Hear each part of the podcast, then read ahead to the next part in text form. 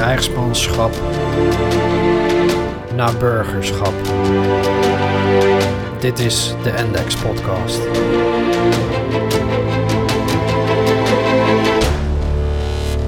Hey, welkom bij een nieuwe aflevering van de Index Podcast. Dit keer heb ik weer een geweldige gast, namelijk, namelijk Wigert Meerman. Wigert, ik eh, wil je graag vragen of je jezelf wil voorstellen. Wat heb je gedaan? Wat doe je? Wie ben je? Waar kom je vandaan? Nou, een beetje het, eh, het riedeltje, zeg maar. Ja, uh, nou, Wigert Meerman, spreker in persoonlijke groei. ook podcaster, podcast van de studio waar we in zitten. De Eindbasis Studio. En ehm, ja, ondernemer mag ik mezelf ook wel noemen. Ja, absoluut. Probeer ik, dat, ik probeer dat steeds meer nu af te sluiten. En probeer gewoon echt te focussen op het, het stukje sprekerschap. En bezig zijn met, met persoonlijke groei. Waarin de laatste diamant mijn boek is, Op zoek naar antwoorden. Ja. Um, ja, wat mijn, uh, mijn reis naar de Amazone beschrijft met alle persoonlijke inzichten. Uh, hoe het was om daar te leven met een Indianenstam en, en alle lessen die ik daar leerde. Nou, daar gaan we het um, zo zeker even over hebben. Dat ja. wil ik wel meer over weten natuurlijk. Ja, zeker. En, uh, en verder ben ik ja, full focused op het stukje persoonlijke groei. En wat ik dan... Um, ja, wat ik probeer te doen is om de wijsheden uit de jungle te combineren in onze moderne jungle waar we vandaag de dag in leveren. Ja. Met alle uh, ja, uitdagingen die die met zich meebrengt. En waar al jouw luisteraars, inclusief wij zelf, uh, last van hebben. Ja. ja. Ja, zeker. Last van hebben. Ja. Dus dat is een notendop wat ik doe. Ja. Oké, okay, mooi. Dankjewel. Um, nou, Wichert is geen veteraan, maar Wichert heeft wel een hele mooie ervaring gehad bij het KST. En dat is hetgene waar ik het onder andere met Wichert over wil gaan hebben. Um, wat heeft jou als, als motivatie gediend om, om überhaupt die selectiedagen mee te gaan doen bij de KST? Wat heeft je daartoe gezet? Ja, goede vraag. Um, nou, we waren met eindbazen, dat was nog in de, beginda in de begindagen. Er was nog drie studio's voor deze. Zaten we Anti-Kraak in Deventer. En uh, we begonnen gewoon met eindbazen, de grootste denkers en doeners van Nederland, uit te nodigen. Um, en, en Michel en ik hadden alle twee al echt een voorliefde voor uh, het militaire vak, omdat we vaak ook naar Jocko Willink luisterden, de Amerikaanse Navy SEAL. Oh.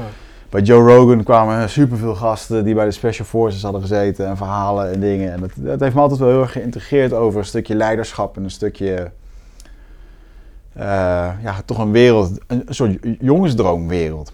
Ja. En dat was het vroeger voor mij ook.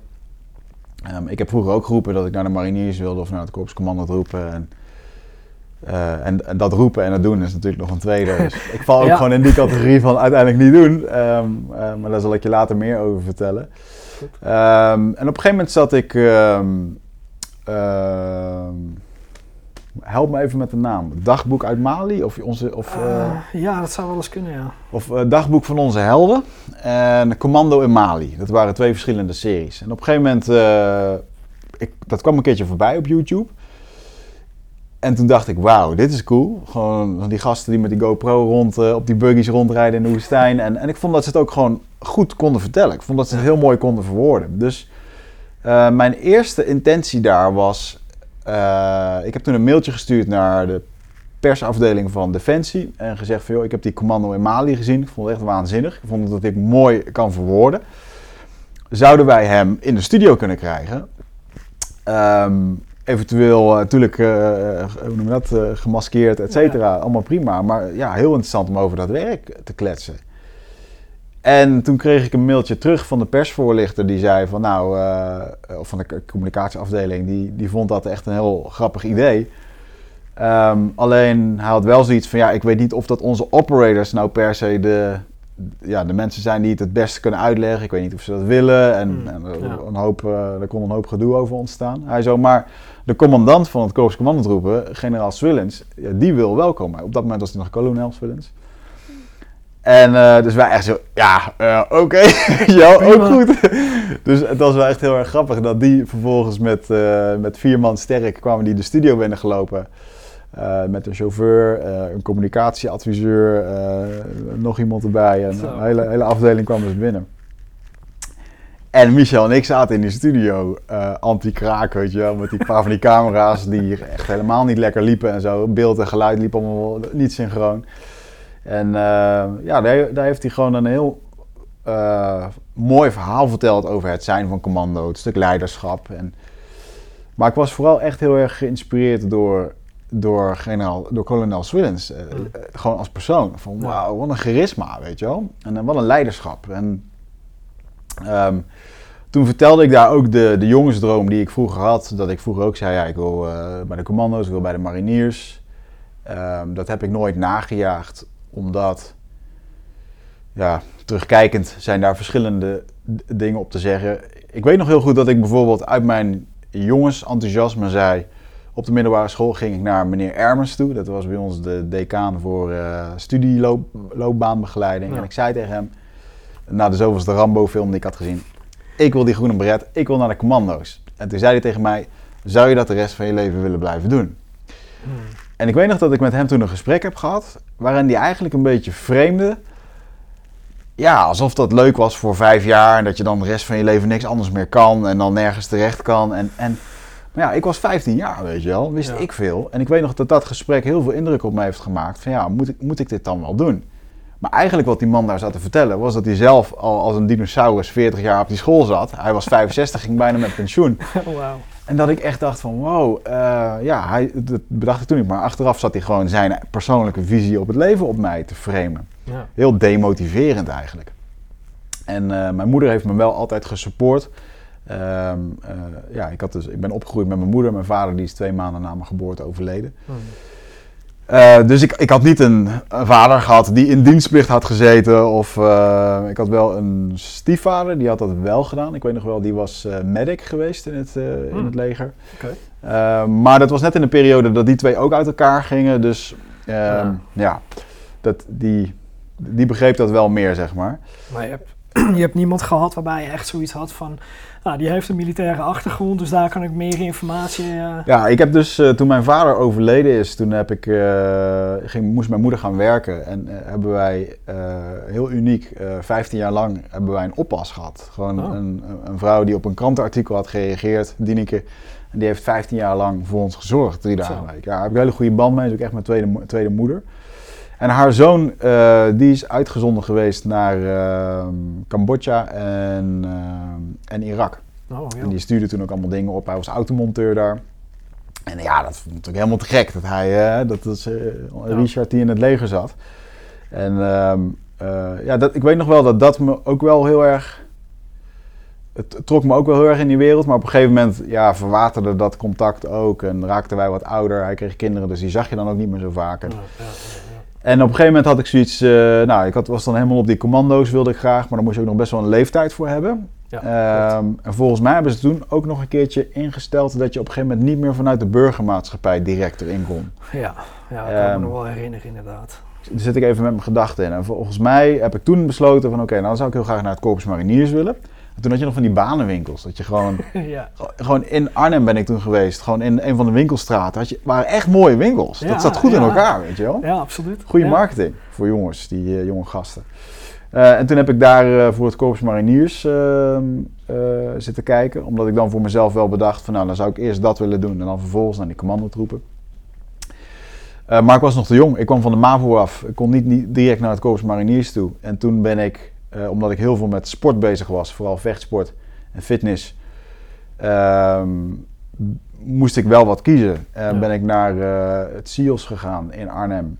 Waar ik in een soort tussenjaar kwam, waar je dan kon beslissen of dat je vervolgens eh SEALS ging doen of dat je eh, naar, je, eh, naar een militaire tak ging. Oh, ja. Een soort tussenjaar was dat. En ehm, in dat jaar brak ik mijn voet op vier plekken. Oh, eh, door middel van eh met judo met oefeningen. Dus ik gooide een jongen van 120 kilo. Die vervolgens eh, ging zitten op zijn kont. Maar eigenlijk, ik viel ook mee op mijn voet ging zitten. oh. Dus mijn voet werd zo in elkaar gedrukt. Dus daar heb ik best wel een herstel van gehad. Ik was al geen natuurlijke loper. Dat kan je nog steeds bevestigd zien in de documentaire waar jij het zo meteen over gaat hebben. Of die je straks gaat zien. Ehm, en toen had ik wel zoiets van, ja, ergens was de wilskracht diep van binnen gewoon niet groot genoeg om dan te zeggen, oké, dan ga ik nu naar die mariniers toe. Of, ik denk ook dat eh, mijn moeder, ze steunde me wel, maar liever niet. Ik denk Ah. wel dat dat, dat erachter hing. Ik denk ook wel dat ik dat voelde. Ja. En ik kan me ook wel voorstellen inderdaad, eh, een moeder die zal niet zo snel hebben van, ah, ga jij maar even lekker bij zo'n speciale eenheid, want hè, dat is goed voor je. Ja, ze zullen Nee. dat wel denken, maar ja. met hun in hun achterhoofd ook van, ja, maar dan zie ik je bijna nooit meer en dan ben je al op allerlei missies. Waarschijnlijk wel, ja. ja. En ik weet nog een hele belangrijke schiet me nu ook te binnen, dat ik op een gegeven moment op het SEALS iedere dag dus aan het sporten was. Dat we ook atletiek kregen. En dan ben ik de naam eventjes kwijt van deze leraar. Maar dat ik op een gegeven moment... eh, ik weet nog dat ik naar die leraar toe ging om, om wat advies te vragen over hardlopen. Want hij gaf ons hardlooptraining. Mhm. En dat hij vervolgens echt tegen mij zei van... joh, maar jij loopt niet als een marinier.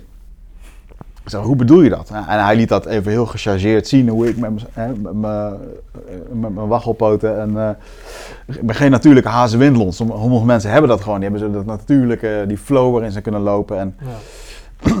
en eigenlijk vond ik dat... eh, ik weet nog wel dat ik toen echt een beetje met de tranen in mijn ogen stond. Van ja, ik, wow, ik kwam hier eigenlijk gewoon heen voor een goed bedoeld advies. En dan krijg je een soort van... eh, Afbrander. afbrander, ja, alsof dat niet mogelijk zou zijn. En ehm, terugkijkend ehm, denk ik, ik, ik weet het niet, je weet natuurlijk nooit. Ik denk wel dat met hoe dat ik loop, en, hè, met mijn knie een beetje naar binnen en hoe ik mezelf daar heb aangeleerd. Als ik daar niks mee had gedaan en ik was inderdaad denk ik het militaire vak in geweest, ehm, dan denk ik, misschien had ik sommige dingen wel gehaald, sommige opleidingen, dat weet je nooit. Maar ik denk wel dat ik dan nu met een knie had gezeten die echt eh, eh, met eh, spijkers aan elkaar hing, bij wijze van De spreken. kans die is zeker aanwezig, ja. ja. En Het, ja, het is ook niet zo dat zij. Je moet heel veel lopen, heel veel. En zeker als je, als je de mariniers of eh, de KST-tak gaat doen, ja, ja, dan moet je gewoon heel goed te been zijn. En ik heb, corrigeer me maar als ik het fout heb, maar ik heb nog nooit gehoord van dat er een soort van loopbegeleiding is. Wel? Dat ze je leren om de goede stappen te zetten. Ik heb zelf in mijn, eh, in mijn tijd dat ik eh, in de opleiding zat. Nou, dat is, voor de meesten is dat het moment wanneer ze scheenbeenvliesontsteking krijgen. Eh, dat komt gewoon omdat je, eh, je, je, je, je, wordt of je bent burger, je wordt militair en je moet ineens zoveel marcheren, zo vaak geforceerd lopen. Ja. Maar niemand gaat je zeggen van oké, hou hier rekening mee, doe je voeten zo of eh, hou. Dus als je benen dan inderdaad op een bepaalde manier staan en je moet dan veel hardlopen of veel marcheren, ja, dan kan het Ja. inderdaad sneller gaan slijten. Ja, dan ga je gewoon compenseren. En Ja. eh, ik kreeg ook in het SEALS was het precies hetzelfde. Want daar ging je ook in één keer van ja, naar vijf keer per week sporten, stage lopen doen, eh, lesgeven. Dus daar had ook bijna ieder eerste jaar, ik geloof dat 80% had op een gegeven moment scheenbeenvliesontsteking. Ja. En eh, ik denk nu met de begeleiding nou, die ik bijvoorbeeld voor de documentaire Wilskracht heb, heb gehad, was het eerste wat Noël zei, die mij daarin begeleid heeft, van joh, zoek even een loopcoach. En ik denk, nou, we lopen wel los, weet je wel. Letterlijk, komt wel goed.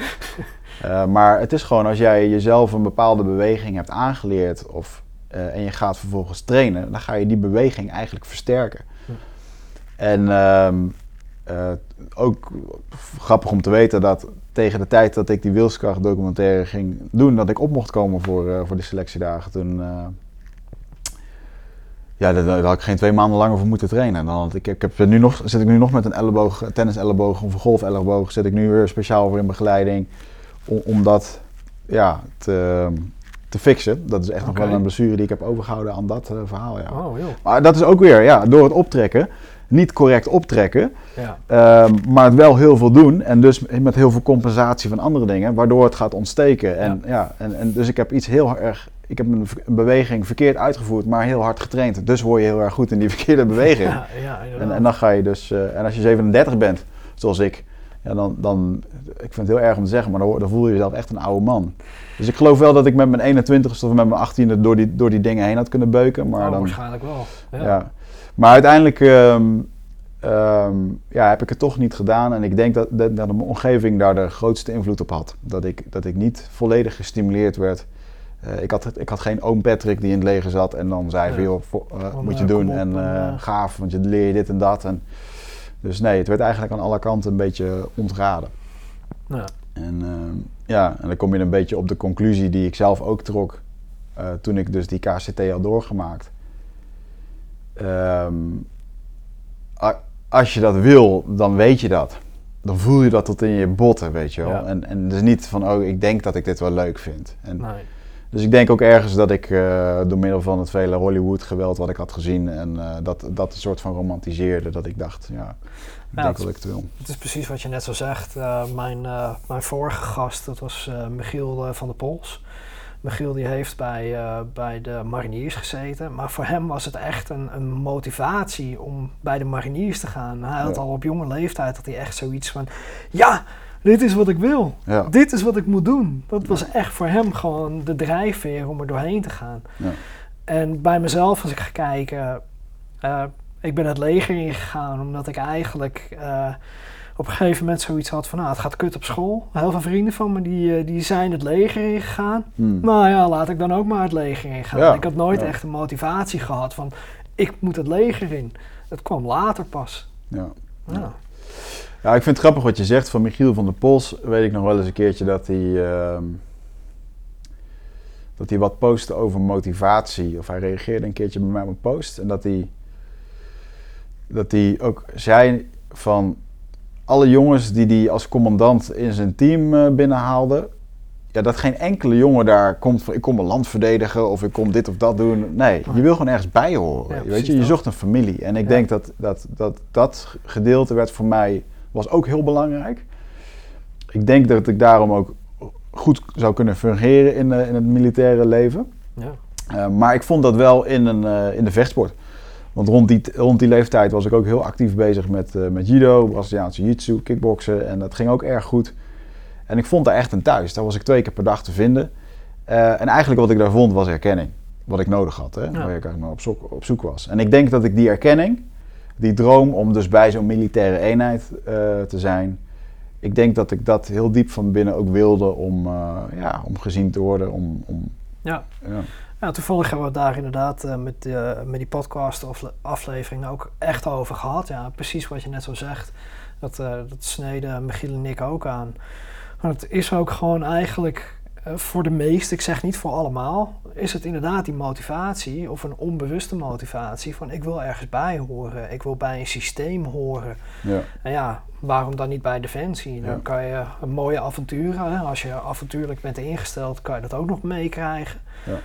Ja, en eh, Defensie die, die, die werkt daar perfect op in van, nou ja, dat soort jongens hebben wij nodig en vrouwen. Ja, dat, eh, Ja. Ja. Ja, ik denk dat ik op dat moment gewoon heel erg op zoek was ook naar een stukje sturing, een stukje eh, alsof er voor je gezorgd werd. eh, ja.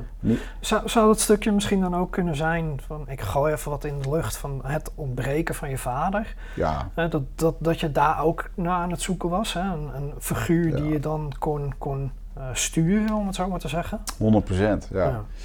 En dat, dat vond ik eigenlijk. ik heb natuurlijk een, eh, ehm, ik heb een stiefvader gehad, Bart.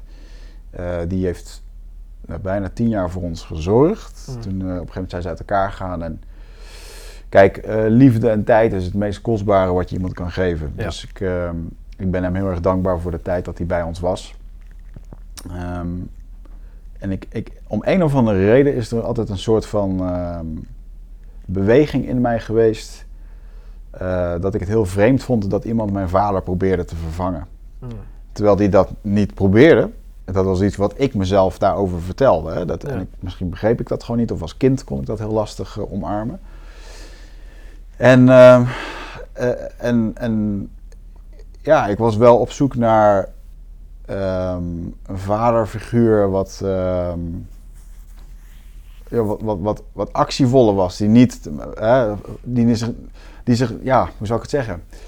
Bart probeerde mij heel goed te verzorgen en probeerde het beste van mij te maken. Mhm. Maar ik was eigenlijk op zoek naar ja, die, hoe noemen we dat? Die, die coach of die... eh, Een dat, beetje die motiva motivator. ja, eh, precies. de- dat avontuurlijke, dat jongensachtige. avontuurlijke ja. En, ja, dat, vo- en dat- vond ik toen in mijn, eh, mijn trainer Remco Perdoel.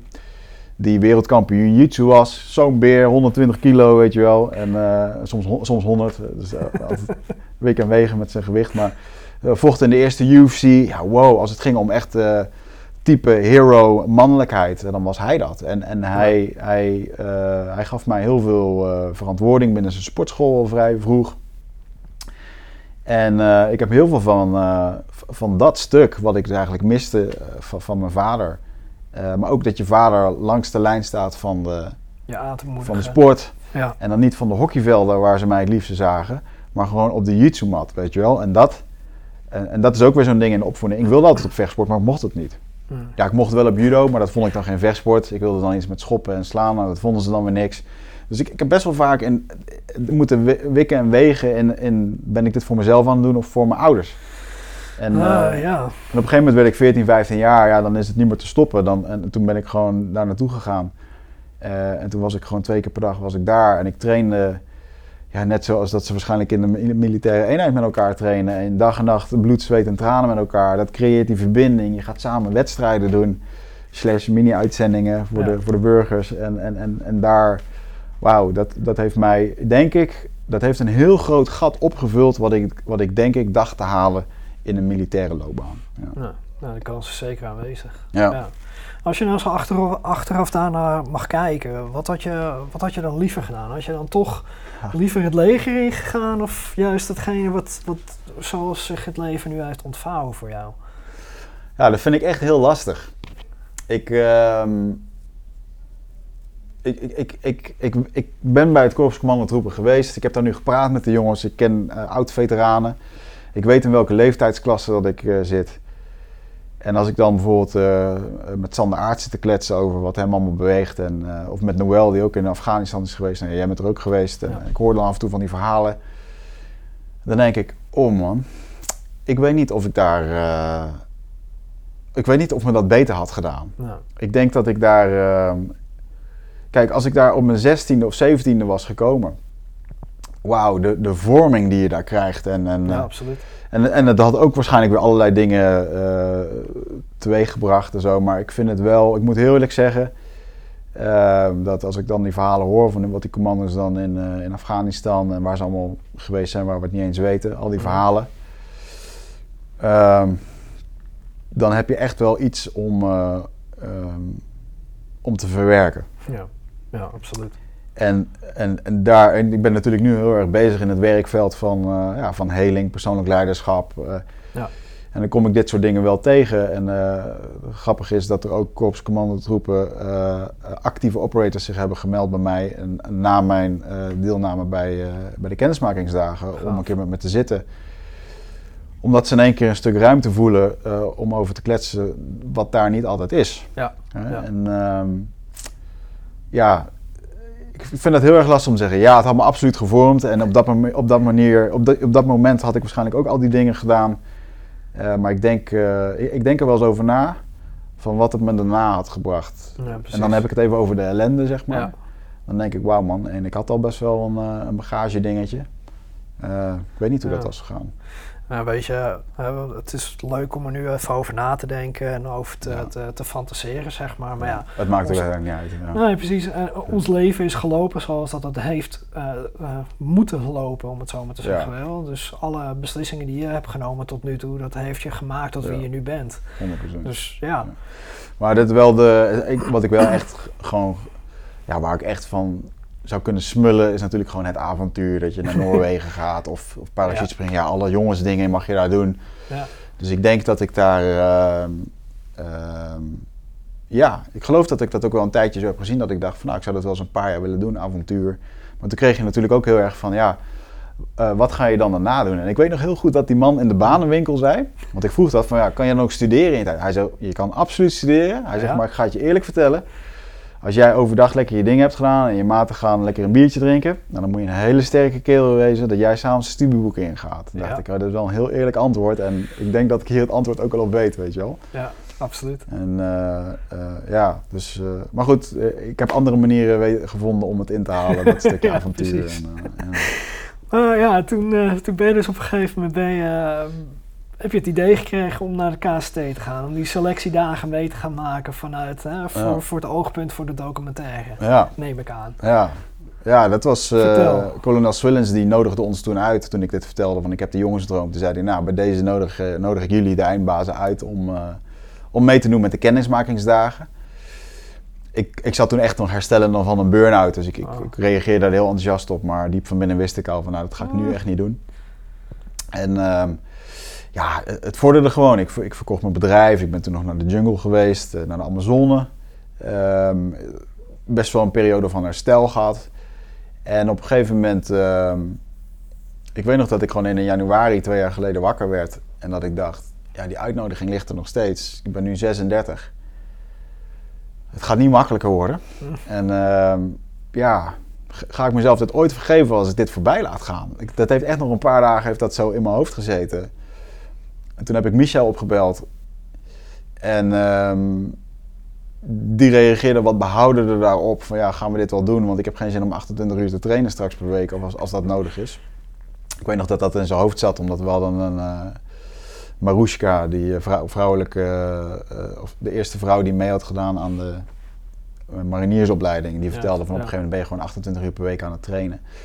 Eh, maar goed, eh, lang verhaal kort. ehm, eh, we hebben toen besloten van oké, we willen dit doen. Dus ik een mailtje gestuurd naar het Korps Commandotroepen. En daar waren ze eigenlijk heel ontvankelijk van kom alsjeblieft even langs. Dus ik er daar naartoe. Ja, en, en ik merkte daar al meteen, die gasten die vonden het, die vonden het vet, weet je wel. Gewoon, ehm, die vinden het zo mooi om over hun werk te praten en over wat daar allemaal speelt en wat er... En over wie ze zijn. En ik, kreeg allemaal, ik heb daar drie uur lang films zitten kijken en wat ze allemaal deden. Die zij waarschijnlijk honderd keer hadden gekeken en nu nog steeds iedere keer kijken. En eh, ja, toen hebben we gewoon eh, besloten over hoe gaan we dit dan doen. Ehm, kijk, ik mocht gewoon, ik, mocht, ik heb ook aangeboden gekregen om gewoon aanwezig te zijn en die gasten te mogen filmen. Hm. En toen zaten zij al een beetje van ja, het gaat wel echt anders worden als je zelf ook een nat pak hebt en dat je het dan ervaart. Ja. En ehm, toen dacht ik, weet je, nou dan ga ik hier gewoon een half jaar voor trainen en dan ga ik het gewoon doen. Ik denk dat lukt wel. En, en toen begon ik daar inderdaad voor te trainen en dat was inderdaad het, het startpunt van de documentaire. Waarbij, eh, waarbij ik bij Noël Brandt in Breda terecht ben gekomen. Die leidt nu veel eh, burgers op die voor eh, een, een militaire functie willen, fysiek. En dat was wa- waanzinnig goed om dat, ja, om dat onder die begeleiding te doen. Ja. Maar ik merkte wel dat ik al, ik merkte al vrij snel dat ik me ergens voor had opgegeven wat, ja, wat niet mis ging zijn. En dat, dat denk ik toch niet dat dat besef er was toen ik in het begin uit mijn enthousiasme van ik ga dit doen. ja, dat geloof ik.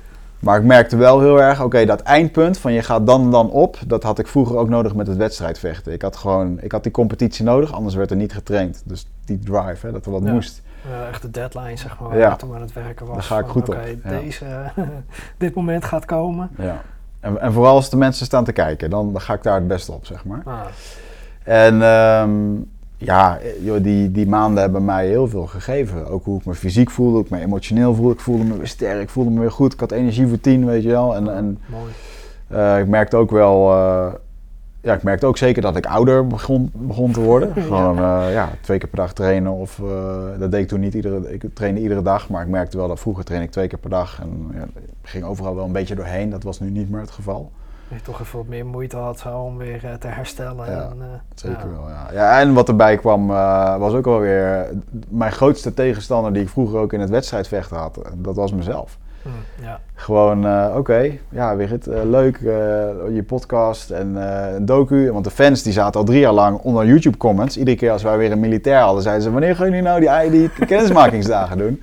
Zo. Dus dat was wel heel grappig. Dat er werd echt grondig bijgehouden. En ehm, Michel is toen halverwege eh, afgehaakt omdat hij eh, blessures kreeg en, en ook wel inzag van ja, zijn focus lag gewoon op het werk, met het ondernemen en dat, dat had hij verkeerd ingeschat. Hm. Ehm, dus op een gegeven moment stond ik er alleen voor en ik merkte ook van ja, ik, ik kan niet op jou blijven wachten, want dit tempo waar we nu in trainen, eh, ik merk gewoon dat ik mezelf ook een stuk aan het trainen ben. Dus, Ehm, eh, dus we kunnen dit niet maanden blijven opschrijven. Ah, ja, ja, En, eh, en op een gegeven moment werden de zes maanden, bleek ook gewoon te kort te zijn. En, en het korps was best wel flexibel. Die zeiden gewoon iedere keer, nou is goed, dan doe je de volgende kennismakingsdagen mee. Doe maar je ding, weet je wel. En, Ja. eh, dus dat, en op een gegeven moment mocht ik dan in januari, ja, wanneer was het? Januari 2020 mocht ik, daar, mocht ik daarheen, ja. Toen was het zover. ja. Eh, toen heb ik daar lekker in de modder gelegen in Roosendaal. Hoe, hoe was het voor je dat je, dat je daar opkwam? Eh, ik, ik heb de documentaire niet gezien, moet ik eerlijk Ah, zeggen. Oké, ja. Dus ik, eh, ik ga die nog voorbereiding, kijken. Ja, goede voorbereiding, absoluut. Maar hoe, hoe was het voor jou dat je, dat je daar dan stond? Ik neem aan dat je daar dan met andere burgers stond en andere... Ja, Nou ja, dat begon heel... Ik, ik was er natuurlijk al eerder geweest, ook om wat met ze te kletsen. En Ja. het mooie was daar ook dat ze zeiden van ja, we, ehm, eh, we gaan je niks vertellen, want je, ga- je bent nu gewoon deelnemer. Dus, eh, Succes. eh, dus ik wist wel wat meer achtergrondinformatie, maar ze hebben me niks inhoudelijk eh, verteld. Dus op een gegeven moment, eh, ik dacht, weet je, ik pak lekker een hotelletje. Dan ben ik lekker daar in de buurt. Eh, dan slaap ik daar lekker, ben ik lekker bij het... eh, ik ga niet meer 's ochtends met die trein en zo, weet je. Ik ben 36, ik ben geen 16 jaar meer. Of 18, 18 jaar, 20 jaar, al die jonge gasten. Ik denk, dat ga ik echt niet meer doen.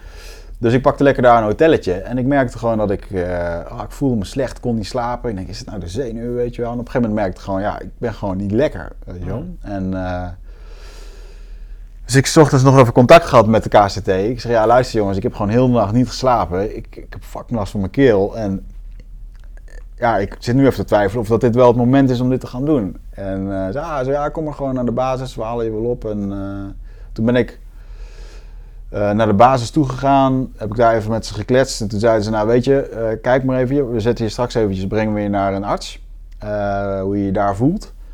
En op basis daarvan mag jij je beslissing maken. En we kunnen het programma zo aanpassen als dat jij wil. Dus je, dan, dan kunnen we zelfs nog zeggen dat jij er op een gegeven moment uit mag stappen en, en andere dingen. En dat was voor mij wel een opluchting oké, dan uh, dat geeft al meer ruimte. Ja, dat kan me voorstellen, ja. Goed, dus ik uh, naar de arts toe en die zei, uh, hij zegt ja, hij zegt uh, je hebt gewoon een keelontsteking. Hij zegt als je militair was geweest, had ik je nu verplicht naar huis gestuurd, want ja, die ontsteking kan gewoon in je lichaam heen gaan en dan wordt het, hè, omdat je door onder zo'n hoge inspanning komt te staan. Ja. Hij zegt, maar ja, je bent een burger, dus ik kan het niet voor je bepalen. Dus je moet zelf maar bepalen.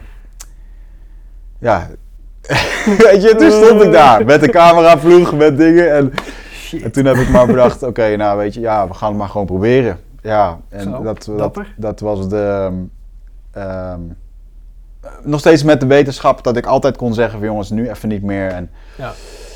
Maar eigenlijk um, heb ik, heb ik dat van jongens, ik wil even rust of wat dan ook. Er is helemaal er is niks van uh, in de praktijk toegepast gekomen. Omdat ik gewoon, er zat zo'n hoog tempo in dat programma. Mm -hmm. dat, ik, dat ik niet eens de tijd had om even met een instructeur een soort van, ja maar nu wil ik. En, en op een gegeven moment merkte ik ook, toen ik door de eerste uh, paar uur het veldwerk op dat vervelende veld daar in Roosendaal. Uh, Ja, waar veel mensen, ja. waar de grootste krijgers van Nederland bloed, zweet en tranen hebben gelaten. Merkte ik dat ik, dat ik op een gegeven moment mijn lichaam uh, bijna niet meer voelde. En dat ik. Ik zat er gewoon in een soort van uh, waas, weet je wel? ja. Van overbelasting. En, uh, en ik weet nog dat ik. S- ehm, s'avonds bij het zwemmen. Toen was de, de medic daar. Die hield ons een beetje in de gaten. Altijd als hij met zijn auto aan kwam rijden, dan wist je dat het pijn ging doen, weet je wel.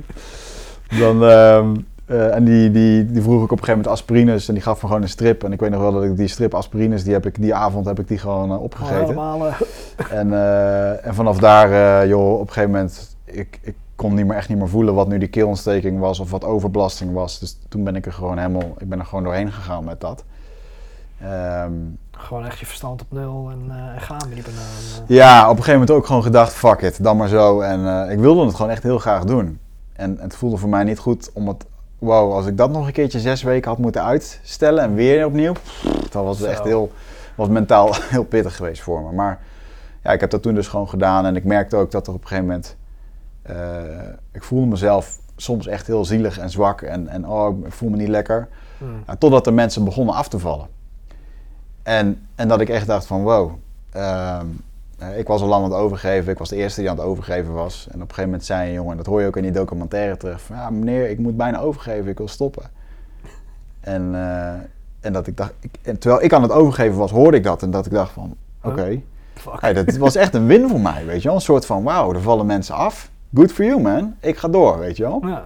En zo gebeurde dat regelmatig. En uh, ja, dat... dat dat boostte mijn motivatie onwijs. En ook met andere oefeningen. Ik was niet zo heel sterk in dat veldwerk. Er waren andere jongens veel fitter en ik was absoluut de langzaamste.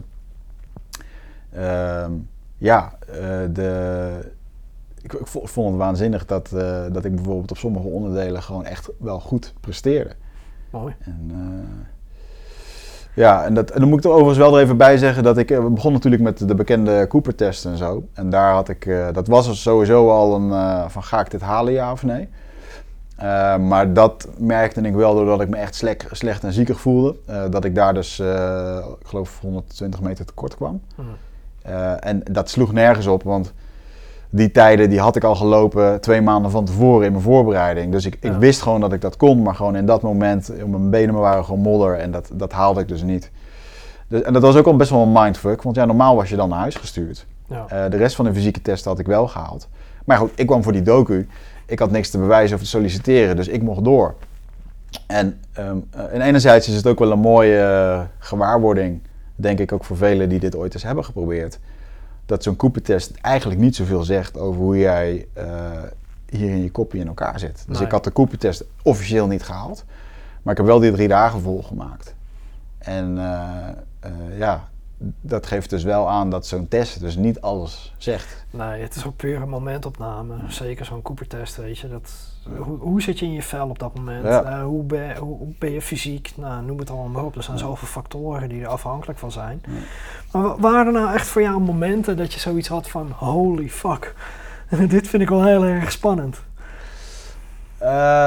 Ehm, ja, wat ik, wat ik toch wel in span, wat ik toch spannend vond was de, de instructeurs die er zijn. Die gewoon continu op die monotone stem praten. Ze schreeuwen niet, ze doen niet. Ja, af en toe peppen ze wel een beetje op, maar dat hele, eh, ja, die, die, met een hele rustige stem vertellen ze gewoon wat je moet doen. Ze vertellen met dezelfde toonstem dat je een eikel bent of dat je het niet goed doet, weet je wel. En, Ja. dat, dat is heel, ja, vond ik best wel, eh, eh, ja, dat vond ik wel eh, indrukwekkend. Maar vooral ook de, er hangt daar gewoon een energie. En zeker in dat tentenkamp als je daar doorloopt. eh, dat is gewoon een soort, ja, de hele energie daar, hoe je daar over het veld heen, hè, over, de, eh, over het eh, terrein heen loopt, altijd een looppasje en met alle regels en dingen. En Ja. heel strak georganiseerd volgens de regels. ook die gezegd is, eh, niet, niet goed is opnieuw. En Ja. al dat soort dingen. En dat, dat vond ik eigenlijk wel, dat vond ik wel heel, heel fijn. Je wist continu waar het, waar het fout op ging of wat anders moest. Ja. En ehm, dat je ook gewoon heel erg werd gehouden aan je woord en, en aan, je, aan de dingen die er gevraagd werden. En dat, ik ben best wel zelf een creatief, ik ben ondernemer, ik doe waar ik zin in heb. En daar werd gewoon in één keer drie dagen lang verteld wat ik moest doen. Heerlijk vond ik het, weet je. Maar ook gewoon, eh, ja, nou, is goed, dan gaan we dit doen. En, ik denk ook wel dat dat, dat heb ik wel heel erg in de vechtsport geleerd, dat als je trainer tegen je zegt dat je duizend keer op die zak moet trappen, dan doe je dat gewoon. En dan, ja, ga je daar niet om vragen. En, Nee. Ik, ik weet nog wel dat ik af en toe met een wat ouder bewustzijn dan de meeste jongens daar eh, soms dacht van eh, hmm, wa- waarom, moeten we, waarom moeten we nu door de plas heen kruipen als we er ook omheen kunnen. ja, precies. dus dat, dat vond ik wel heel mooi. Ehm, er waren ook een paar oefeningen die konden niet eh, getoond worden in de konden niet getoond worden in de, in de documentaire, omdat dat, ja, dat wilden ze geheim houden voor het programma. Maar dat was een oefening waar je best wel veel informatie te verwerken kreeg. eh, vervolgens in een donkere kamer stond, eh, wat te zien kreeg. eh, en waarbij de instructeurs gewoon om je heen stonden. En, die, en ik merkte gewoon, ze, ze, kijken nu gewoon wat jij doet onder druk. Ja. En ik merkte dat dat een, ja, dat drukte bij mij ook op allerlei knoppen, weet je wel. Van doe ik het wel goed genoeg, shit, Aha. stress, dingen vergeten. En Ja. speedmarsen. En ja, dat vond ik wel. er werd daar in psychologisch aspect vond ik dat waanzinnig interessant. Dat je gewoon, eh, en zij doen dat natuurlijk al 50 jaar of langer. ehm, dat ze gewoon duizenden individuen, mannen zoals jij en ik, voorbij hebben zien komen. Eh, dat als je die gewoon aan een bepaald programma onderwerpt, dat daar gewoon eh, de echte ik boven komt drijven. Hm. En Ja. dat, vond ik, dat vond ik heel waanzinnig om te, om te ervaren bij mezelf. Eh, maar ook te zien bij mijn omgeving. Dus eh, ja, waar ik me in het begin misschien nog wel een beetje verschuilde af en toe achter de, de wat fittere of wat dan ook. Dat je op een gegeven moment eh, ook zag dat die echt zijn strijd aan het vechten was. En wat heeft dat dan uiteindelijk met je gedaan? Nou, sowieso is de jongensdroom de vraag die mij altijd nog een soort van tartte van shit, je hebt het nooit echt geprobeerd. Wat als ik daarbij was geweest? Die was heel duidelijk beantwoord. Eh, Ja. ik, ik wilde dit duidelijk vroeger niet graag genoeg, anders had ik het gedaan. Ja. Ik dacht dat ik het wilde. En, en, ehm, en dat, eh, dat hele diepe weten, dat je echt iets diep van binnen wilt, ehm, dat is wel in andere dingen naar voren gekomen. Hè? In, in het spreken wat ik nu doe, op het podium staan en, en de andere dingen die ik doe. schijnbaar, schijnbaar was het dus een andere levensmissie voor mij. eh, Ja, precies. Iets, iets anders was belangrijker voor jou om te doen dan, eh, Ja. dan het leger eh, leven in te gaan. Ja, exact. Dus die vraag was zeker beantwoord. Ja, het was natuurlijk een onwijze overwinning om dat nog op mijn, op mijn 37ste nog, nog te doen. Ja, zeker respect. Ehm, en en de, de goede vraag is van ja, Wigert, waar, waarom, waarom moest dat nou nog, weet je wel? Hoeveel heb je nou nog te bewijzen? En, en ik denk, ja, ik denk ergens dat daar... ehm, was het bewijsdrang? Was het een stukje erkenning? Nou, Wigert kennende, misschien wel. Ja, ja, weet je. En daar ben ik ook echt wel eerlijk over. Maar ook gewoon vette prestatie om te doen. Ja, absoluut. Ehm, ik, vond het, ik, vond het, ik vind het ook heel belangrijk. Ik praat ook over het spirituele gebeuren hè, in mijn boek, over het, over het menselijke zijn. En, Ja. ehm, maar ik vind het ook heel mooi, dat stukje high performance vind ik ook heel vet. En dat is wel iets wat daar gewoon continu gevraagd wordt. Ehm, en, en high performance is dan niet gewoon maar eh, zoveel mogelijk meters maken, maar echt met onder, onder stress kunnen presteren, goed kunnen nadenken, goed zorgen voor jezelf. Ja, ja absoluut. En dat zijn wel echt dingen die, eh, die daar ook van je gevraagd werden. En dan kom je er dus ook heel erg achter dat een hele hoop dingen je gewoon niet geleerd zijn. En, Nou, en dat, eh, en, dus ja, wat, wat weet je nou eigenlijk om bepaalde dingen te doen in je leven? En dat, het zijn wel hele mooie, eh, ik, ik, die- dat soort opleidingstrajecten vertellen heel veel over jou als ondernemer, over jou als student, over jou als... ja, ja, überhaupt als, als, als ja. wezen gewoon, als persoon. Ja. Nou, dat is eigenlijk misschien wel een mooie brug dan om verder te gaan over onder andere je boek en, Hmm. eh, en de dingen waar je nu al mee bezig bent. Ja, Ehm, ja, je bent dus echt heel erg met persoonlijke ontwikkelingstrajecten ben je bezig. Je hebt zelf ook persoonlijke ontwikkeling ge- eh, eh, gehad, gevoerd, eh, gevolgd. ja zeker. Ik heb jou leren kennen tussen haakjes bij, eh bij Michael Pilogic. Ik heb je daar toen een keertje achter, achter de coulissen heb ik je toen gezien. Toen hebben we eventjes heel vlug hebben we met elkaar gesproken. Ik weet niet eens of je dat nog herinnert, maar ik herinner me dat nog wel. Ja, ja, ja, mijn maximum potential daar. Ja, ja, precies. En ehm, nou ja, je, je bent nu zelf dus ook bezig met, met coachingstrajecten eh, of nou ja, eh, de journey. Wat, wat, wat heeft jou gemotiveerd om daar nog meer mee bezig te zijn? Om, Ja. om, om die weg in te gaan? Ja, ik ben dus na een flinke burn-out ben ik de jungle ingegaan in de Amazone. Daar eh, met, met vragen van ja, waarvoor ben ik eigenlijk hier? En daar werd mij al heel snel duidelijk, eh, mede door het plantmedicijn ayahuasca, hè, wat, wat, wat, ja, waar niemand iets eigenlijk van begrijpt. Een eeuwenoude drank die de inheemse bevolking al drinken. Je drinkt dat en je krijgt inzicht over jezelf. eh, Ja. Je kan een diepe healing krijgen op, eh, op, ja, op de stukken die, die traumatisch zijn voor je geweest in het leven. En dat kan zijn een uitzending naar Afghanistan of het verlies van je vader of liefdesverdriet of wat dan ook. Ja. En ehm, ja, daar kreeg ik echt mijn missie door. En dat is om de wereld weer te leren wat het is om een puur mens te zijn. Hm, mooi. Dat is wat ik daar zag bij de Indianen. Hè. Gewoon niet, niet al die vervuiling van de westerse wereld. Gewoon echt wat het is om puur natuur met de wereld te leven. Met de natuur. En ehm, daar heb ik een eeuwenoud eh, ritueel eh, volbracht. Waarbij ik 40 dagen zonder suiker, zout, geen contact met andere mensen, geen, eh, ehm, eh, geen koffie en dat soort dingen. Geen water zelfs. Ik kreeg daar een soort maïssap wat ik moest drinken.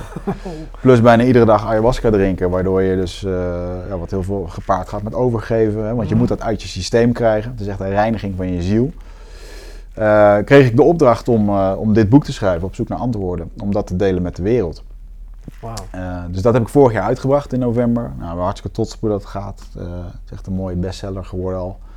En ehm, ja, die lessen, ik merkte gewoon dat ik heel veel mensen bereikte. En dat ik op dat moment wel ondernemers coachte. Ehm, maar dat er een hele grote groep was die meer met mij wilde. En, en daar ben ik nu, een, eh, nu is mijn voornaamste bezigheid bezig zijn met de Journey. Dat is een online programma waarin je erachter komt wie je bent, wat je wilt en hoe dat je dat gaat doen. Ja. Waarbij we echt wel een verschil maken met andere programma's, omdat ehm, het merendeel van de persoonlijk leiderschapsprogramma's begint met doelen stellen. Ja. Wat wil je? Is ook heel belangrijk. ja, absoluut. Ja. Maar ehm, en we hadden het hiervoor nog eventjes over, dat als je doelen gaat stellen, omdat je ergens vindt dat je doelen moet stellen, of eh, hè, bijvoorbeeld Michael Pilagic stelde mij in een hele lastige situatie toen ik op kantoor sliep, alles kwijt was geraakt, mijn huis, mijn geld, met een gefaalde start-up. Ja. vroeg hij mij, wat wil je? En ik wilde eigenlijk een succesvol bedrijf. Ik dacht dat dat de oplossing was. En toen heeft hij mij uitgelegd hoe ik dat kon doen.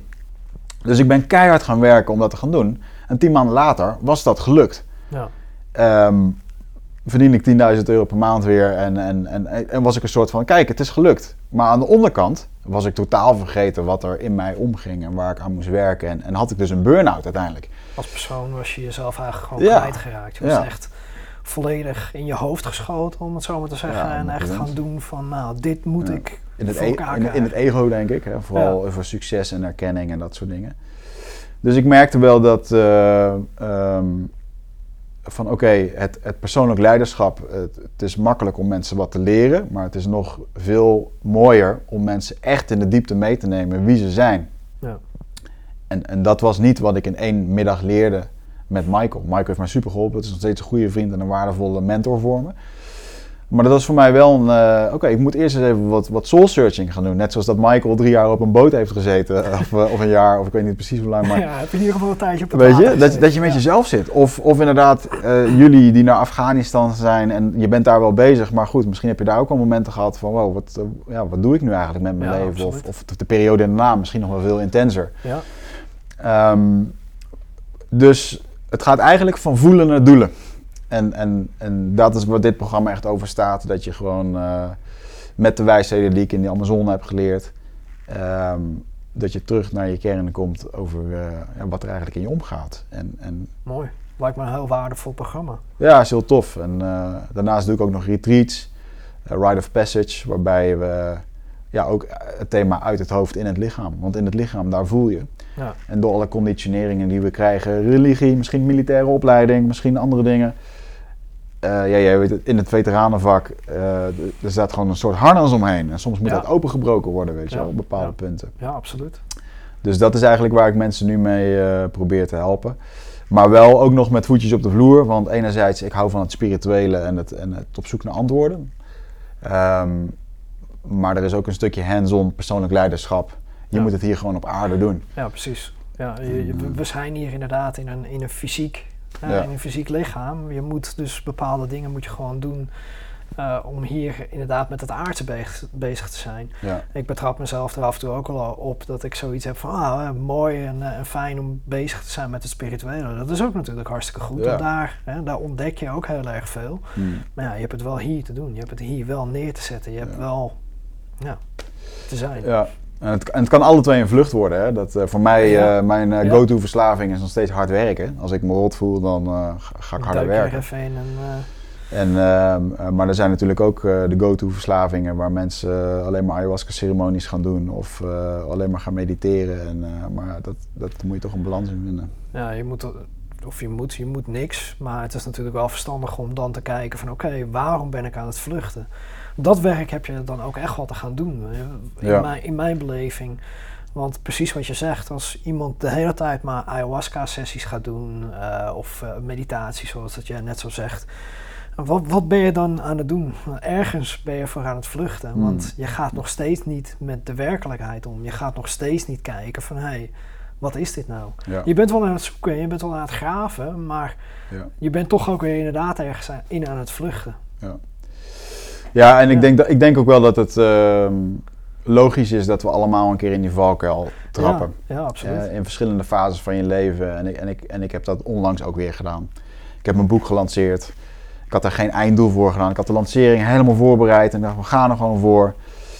Maar ik had, er, ik had niet voor mezelf bepaald, oké, wanneer is het goed genoeg? Hm. Nou, dan is het dus nooit goed genoeg. En vervolgens Nee. zit je vier maanden later helemaal opgebrand eh, van alle interviews en alle, het rondrennen. En, en is het nog steeds niet genoeg.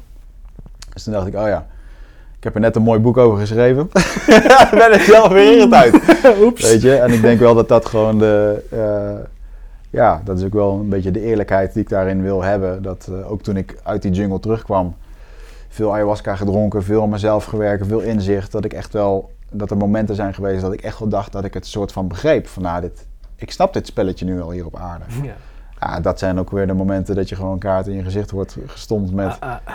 Door je omgeving, door, je, door de dingen die gebeuren. En dat het hele kaarthuis wat je zogenaamd hebt opgebouwd gewoon in, inkakt. Ja. En, eh, en jezelf daar weer uit herpakken, dat, dat maakt je een sterker persoon. ja, absoluut. En, en ik denk ook wel dat dat het werk wat je doet met, eh, met de veteranen terugkrijgen op hun plek. Ergens bouw je in die organisatie en in die cultuur, bouw je ook een bepaald kaartenhuis eh, op. Ja. Maar kom je in de burgerwereld, nobody gives a fuck dat jij 400 keer uit een vliegtuig bent gesprongen. Nee, Weet je? En, en dat, dat kan me wel voorstellen dat dat. eh, eh, en een ander voorbeeld is bijvoorbeeld, ik ben nu een bedrijf van mij aan het verkopen, het supplementenbedrijf. Ja, ik weet hoeveel energie, tijd en, en, en belichaming daarin zat. En ik probeer het nu te verkopen voor een x bedrag. En dat, Ja. dat bedrag was eerst nog veel hoger, omdat ik een bepaald waanidee had dat het zoveel waard was. Maar iemand die dat niet kent en die er gewoon van buitenaf naar kijkt, die denkt, ja, maar dat is niet de werkelijkheid, weet je wel. Die, dus, die, die, die ziet de cijfers en die ziet eh, de verkopen. En eh, die Ja. heeft aan de hand daarvan gaat hij kijken van nou, exact. ja, prima wat voor werk jij hebt gedaan. Ja. Maar ja, dat is bij heel veel veteranen is dat inderdaad ook zo. Van die willen eigenlijk erkenning en herkenning hebben van ah, weet je, ik heb dit en dit gedaan. Ik heb eh, zoveel uitzendingen heb ik gehad, noem het gewoon maar op. Ja, En als ze dat dan niet krijgen, ja, dan wordt er inderdaad een, een bepaald iets wordt er geraakt. Wat natuurlijk heel erg begrijpelijk is. Maar heel veel burgers die hebben daar gewoon zoiets bij van... Ja, dus prima toch? Nou, leuk voor je. Ja. Ja. En, en het lastige is als je in dat soort omgevingen zit, of sowieso in, in welke situatie ook waar je ook zit, dat als je in het potje zit, dan kan je niet op het etiket kijken.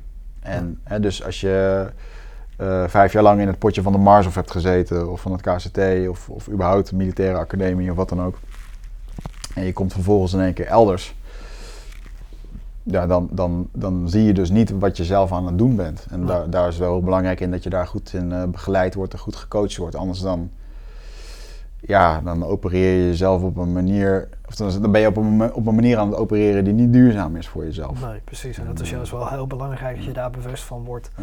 Ja.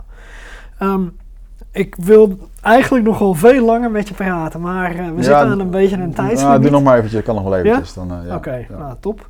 Ehm, wat zijn er nou nog dingen wat, waar jij mee bezig bent, wat er aan gaat komen, wat jij nog eh, qua, qua visie hebt, wat je nog wil gaan bereiken? Oh, wauw. Eh, Je, begint, je bent natuurlijk nu net met de journey ben je begonnen, maar Ja. wat, wat is nou nog iets wat jij heel graag zou willen doen? Eh, meer documentaires maken, maar dan meer richting eh, de Amazone en de jungle. Kijk, omdat ik gewoon zie dat in de, bij die Indianen dat depressies, burn-outs, zelfmoord bestaat daar niet. Nee, Zo dat bijzonder. geloof ik. Ja. Eh 50% van wat er in onze apotheken ligt, dat, eh, dat komt daar vandaan, hè, aan medicijnen. 75% van onze medicijnen tegen kanker komt daar vandaan. Minder dan 1% van alle planten in de Amazone is onderzocht. Kan je het rekensommetje maken? ja. In de tijd dat wij hier nu deze aflevering zitten op te nemen, zijn er een paar hectare weer eh, vernietigd, opgebrand en eten. Dus Ja. ik ben er nu een stichting aan het opzetten, de Tribe Leader Foundation. Eh, waarbij ik onder andere eh, een, een deel van de opbrengst van het boek gaat daar naartoe. En ook donaties van mensen die het interessant vinden. Mooi. Die kunnen daarbij helpen. En dan gaan we regenwoud opkopen en teruggeven aan de. eh, dus agrarische grond opkopen en teruggeven aan inheemse bewoners. Dat zijn immers de mensen die daar goed voor kunnen, die daar goed voor kunnen zorgen. Maar wat ik heel graag zou willen, is ehm, naar die jungle gaan. En niet zozeer Wigert die daar het verhaal vertelt over hoe bijzonder het daar allemaal is. Want ik, Mhm. ik begrijp dat wel. Maar wat ik graag zou willen doen, is een aantal mensen mee willen nemen. eh, en, en hun dat laten ervaren over wat de helende werking is van wat die shamanen en plantmedicijnen daar doen. En mijn idee zat er onder andere bij om eh, eh, een veteraan mee te nemen Ik meld me aan. die, ja, met, met een PTSS-achtige Oh. achtergrond. Ja, moet wel, ik wil wel een echt Ja. een, ja, dat was wel een beetje de voorwaarde. Eh, Nou ja, mocht er iemand zijn die dus, eh, eh, die dus nu aan het kijken is en eh, zelf misschien een veteraan zijn met PTSS of iemand in zijn omgeving kennen, laat het maar even weten. Dan ga ik kijken met Wigert of het wat is. Of het wat, voorlopig is dit nog eventjes door, de, eh, door het groot idee. pandemie gebeuren is het lastig om even te reizen en eh, kunnen we ook niet zomaar het gebied in van, eh, van deze inheemse bewoners. Eh, maar het zit wel in mijn eh, in de toekomstvisie van oké, ik zou dus heel graag de buitenwereld willen laten zien wat voor kennis dat daar zit om, om, om de ergste gevallen met, met PTSD en dat soort dingen gewoon eh, heling te laten ondergaan daar. Ik weet zeker als ik mensen daar drie weken mee naartoe neem, ja wauw, dat, eh, dat gaat heel bijzonder worden. Ja, daar ben ik ook van Ehm, overtuigd. Dus ik, ik kijk er heel erg naar uit om eh, een stapje terug te gaan doen op het vlak wat ik in Nederland doe. Met eindbazen, met de bedrijven, et cetera. En ik wat meer internationale content gaan maken. Ik wil uiteindelijk ook internationaal spreken. Mooi. En ehm, eh, ja, de manier waarop en hoe en wat, dat zal zich wel ontvouwen in de, in de komende tijd. ja. eh, komende jaren. En, ehm, maar gewoon inderdaad documentaires maken. Ja, die wilskracht documentaire, ik vond het fantastisch, weet je wel, om dat te doen. Eh, maar ik zou heel graag zoiets willen maken in de jungle. Ehm, Nou, wilskracht deel 2. Ja, en dan eh, een psycholoog zei wel eens tegen mij van joh, wat je eigenlijk in de jungle hebt gedaan met 40 dagen in een hutje op de hei gezeten, Zo. is feitelijk eh, eenzelfde manier van jezelf leren kennen bij de commando's, omdat ehm, daar ga je in stilte zitten en daar ga je in de prikkels zitten. Maar Ja. uiteindelijk komen dezelfde dingen omhoog. Ja, absoluut. En Ja. dat, eh, dus dat is voor mij wel heel, heel waardevol geweest. En verder hoop ik gewoon lekker mijn retreats te kunnen blijven geven. En wat ook interessant is, dat daar officieren heen komen, eh, crossfitters, eh, huismoeders, eh, fotografen, alles door elkaar. Dus ik vind het wel heel leuk dat ik een heel breed publiek aanspreek wat, eh, wat hier gewoon geïnteresseerd in Wat is. voor retreats zijn, wat voor retreats zijn dat? Wat, wat, eh, Ja, Rite of Passage is een retreat eh, voor persoonlijk leiderschap. Waarbij de belofte is dat het oncomfortabel wordt. mooi. En de inhoud van het programma is geheim. Ah, Dus ik, ik kan je één ding garanderen: dat er op alle knoppen geduwd gaat worden. Eh, op een veilige manier die, ehm, ja, die erin zitten. Oké. Ehm, en er wordt dan gebruik gemaakt van persoonlijk leiderschap, eh, dynamische meditaties. Dus dat dyna- eh, meditaties in beweging. Mooi. Bio-energetische oefeningen, dus waarbij je energie verplaatst door je lichaam. Want vaak zit energie vast. Ehm, los te maken. En, en, en shamanisme, mijn voorliefde uit de jungle. Het enige wat er bekend is van het programma is dat er een zweetuitsessie in, in zit. En dat eh, ja, is waanzinnig. Eh, het is altijd twee maanden van tevoren uitverkocht en het krijgt een 9,2 gemiddelde keer op keer. Wauw, gaaf. Dus ik heb daar wel echt iets te pakken wat, eh, ja, wat men echt kan gebruiken. En Rite of Passage zegt het al, hè? echt iets, een overgangsritueel. Mensen helpen om even iets achter zich te laten en, en naar, Ja. naar voren te gaan. En dat kan zijn een oude dat er voorbeelden zijn van mensen die een carrière willen achterlaten. Ik had vorig jaar een officier die dus eh, nu officieren opleidt eh, op de KMA en, en nu iets anders wil gaan doen. Hm. Uh, maar ook mensen die uh, alle twee hun ouders in korte tijd zijn verloren en zo. Nou, het zijn allemaal van die dingen. En wij in Nederland vind ik dat we daar ritueel te weinig mee, mee doen. Ja, ben ik helemaal met je eens. Hè? Gewoon echt Ja. een goede. Of bijvoorbeeld, ja, je bent zelf uit, uit dienst gegaan. Wat is daar nou precies gedaan voor jou om dat in goede banen te leiden? Weet je wel? Dat- Ja. dat- ja. Nou, ik kan erover zeggen vrij weinig, maar Terwijl, terwijl juist die veteranengroep donders goed weet hoe belangrijk die inwijdingsrituelen zijn. Dat je samen door de kennismakingsdagen, door je opleiding, door, door de afmatting of door wat, er- wat er allemaal nog meer is. Ja. Dat je gewoon beseft hoe belangrijk dat is. ja, inderdaad. En ik weet wel dat er nu steeds meer programma's binnen Defensie opgestart worden om mensen ook bewuster door zo'n traject heen te laten gaan. Wat dus al eh, begint bij de, bij de initiële opleiding en eindigt als de veteraan of eh, als dan de militair weer naar huis toe gaat. Mhm. Echt eh, het bloemetjespak zeg maar in de kast hangt. Ja. Daar zijn ze nu mee bezig om dat te ontwikkelen. Maar kan je nagaan, dan leven we in 2021 en daar zijn ze nu pas mee bezig om Ja. zo'n heel traject te gaan maken. Ja. Ja, Nou, het, is, het is goed dat het nu gebeurt. Hè? En ehm, ik denk ook wel dat eh, internationaal gezien dat er ontzettend veel wordt gedaan op het gebied van PTSD en PTSS. Eh, Gabon Mate, eh, interessante inter- internationale dokter. Eh, Zo'n Tim Ferriss, eh, een bekende podcaster die heel veel Ja. investeert in psychedelica en dat soort ontwikkelingen daarvan voor het helen van trauma. Dus ik geloof ook wel dat er, eh, dat er meer ruimte komt voor die, eh, voor die doelgroep. Eh, Ja. Want ik geloof, ik geloof ook daadwerkelijk dat de, de grootste doelgroep, ehm, die zit nog thuis op de bank en die praten er niet over. nou inderdaad. Eh, die hebben thuis eh, struggles in hun relaties met het opvoeden van hun kinderen, omdat ze niet weten waar, ja, waar bepaalde pijn vandaan komt, of dat misschien wel weten, maar niet aandurven kijken. En eh, er is nog een hoop in te doen. Ja, absoluut. Ja. En het is zo mooi als je dan op een gegeven moment wel die stap durft te zetten, dat je dan hulp gaat zoeken. Je, op, op wat voor manier dan ook. Eh, dat je bijvoorbeeld bij mij komt voor, eh, voor coaching, voor hypnose, voor healing, voor whatever. Of je gaat een retreat volgen. Weet je, wees je bewust dat als jij tegen dit soort dingen aanloopt, dat het oké is om hulp te gaan zoeken. Nou, kijk wat bij jou past, maar durf dit aan te gaan. Want het is zo belangrijk dat je, dat je eh, voor jezelf, maar ook voor je naasten, dat je die stap durft te zetten om weer een heel persoon te worden. Het gaat erom, het gaat, uiteindelijk gaat het om jou. Het gaat erom dat jij gewoon lekker in je vel zit en lekker in je systeem zit. En dat jij kan doen waar jij blij van wordt. En als jij nu niet blij bent, wat is dat dan? Waar komt dat dan vandaan? Komt het daadwerkelijk uit dingen waar je, waar je nu doorheen gaat? Fysieke dingen? Of spelen er nog dingen vanuit het verleden? Of ja, Ja. ga het onderzoeken en, en kijk het aan. Ja. ja, en inderdaad, het belangrijkste is eh, voor jezelf eens na te gaan of dat, hoe je je nu voelt, hè, hoe lang speelt dat al, hoe Ja. lang is dat gevoel? En, en je hebt echt inderdaad voor jezelf de beslissing te maken. Hoe lang wil je nog met dit gevoel eh, gaan lopen? Want vaak is eh, een, eh, een, vriend van mij die had een hypno- hypnotherapeut die noemde dit eh, je favoriete kutgevoel.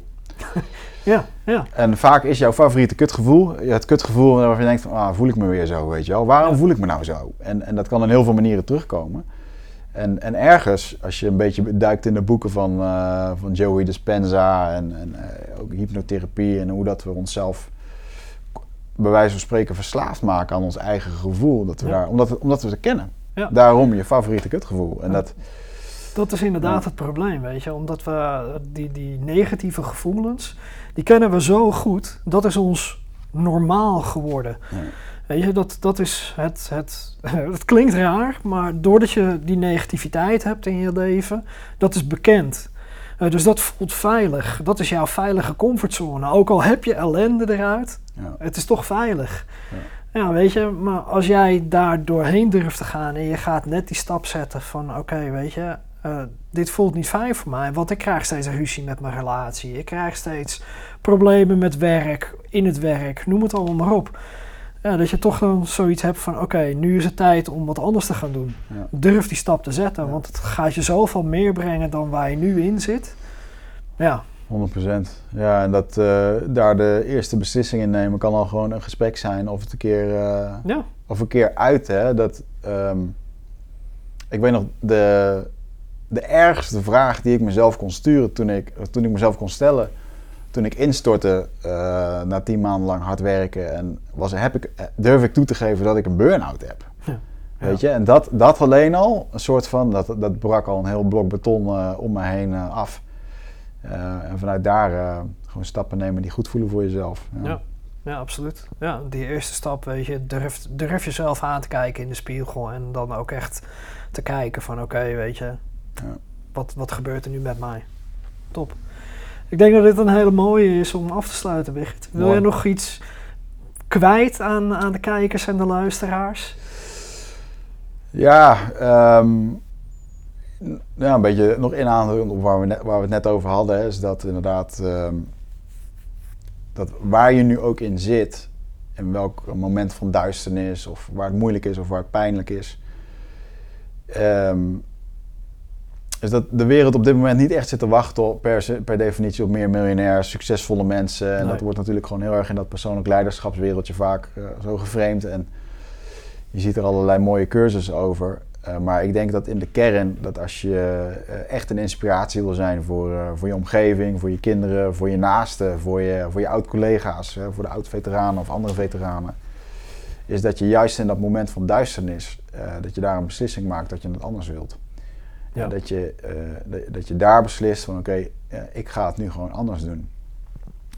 Want het is niet het succes wat zo ontzettend inspirerend is. Nee, mensen willen niet weten hoe dat je het allemaal hebt gedaan daarna. Mensen willen juist weten, ze vinden die herkenning in dat moment waar het echt moeilijk was. Waar het pijn Ja. deed, waar het rot was. En, ehm, eh, en, en, en om in, in dat moment te kunnen zeggen, daar heb ik het anders gedaan. Dat is de grootste inspiratie die je naar de wereld kan geven. En, eh, en uiteindelijk ook voor jezelf natuurlijk. Ja, ben ik Ja. volledig met je eens. Dus, eh, dus dat. ehm, en nou ja, voor de liefhebbers van de militaire dingen. ehm, er, er staat nog een, een, een uitnodiging open bij het KCT.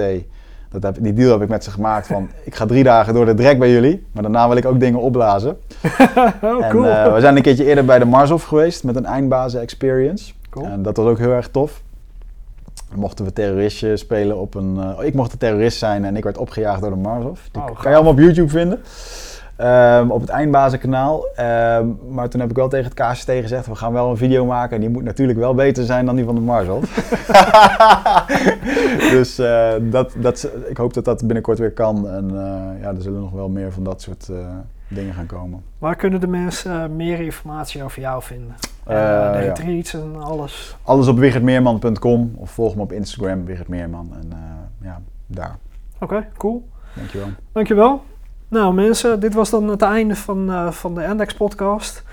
Ehm, wil je dus meer weten over Wigert? Ik eh, doe in de omschrijving eh, doe ik ook zijn website eventjes vermelden. Maar ja, wiggertmeerman.com, dat vind je wel makkelijk. Ehm, ja, ik wil toch nog even aanhalen. Weet je, er zijn heel veel veteranen die nu hun leven heel anders le- leiden en heel veel andere dingen doen. Die het geleerde wat zij hebben geleerd ook anders inzetten. Zij hebben, of heel veel van hun hebben ook boeken daarover geschreven. En ik heb daar een boekenlijst van gemaakt en die is gratis te downloaden via mijn website. Ga naar veteranencoaching.nl slash boeken van veteranen. En schrijf je daarin en dan krijg je die boekenlijst krijg je in, je in je mail. Nou, dat was het. Wigert, nogmaals bedankt. Dankjewel. En eh, tot de volgende keer.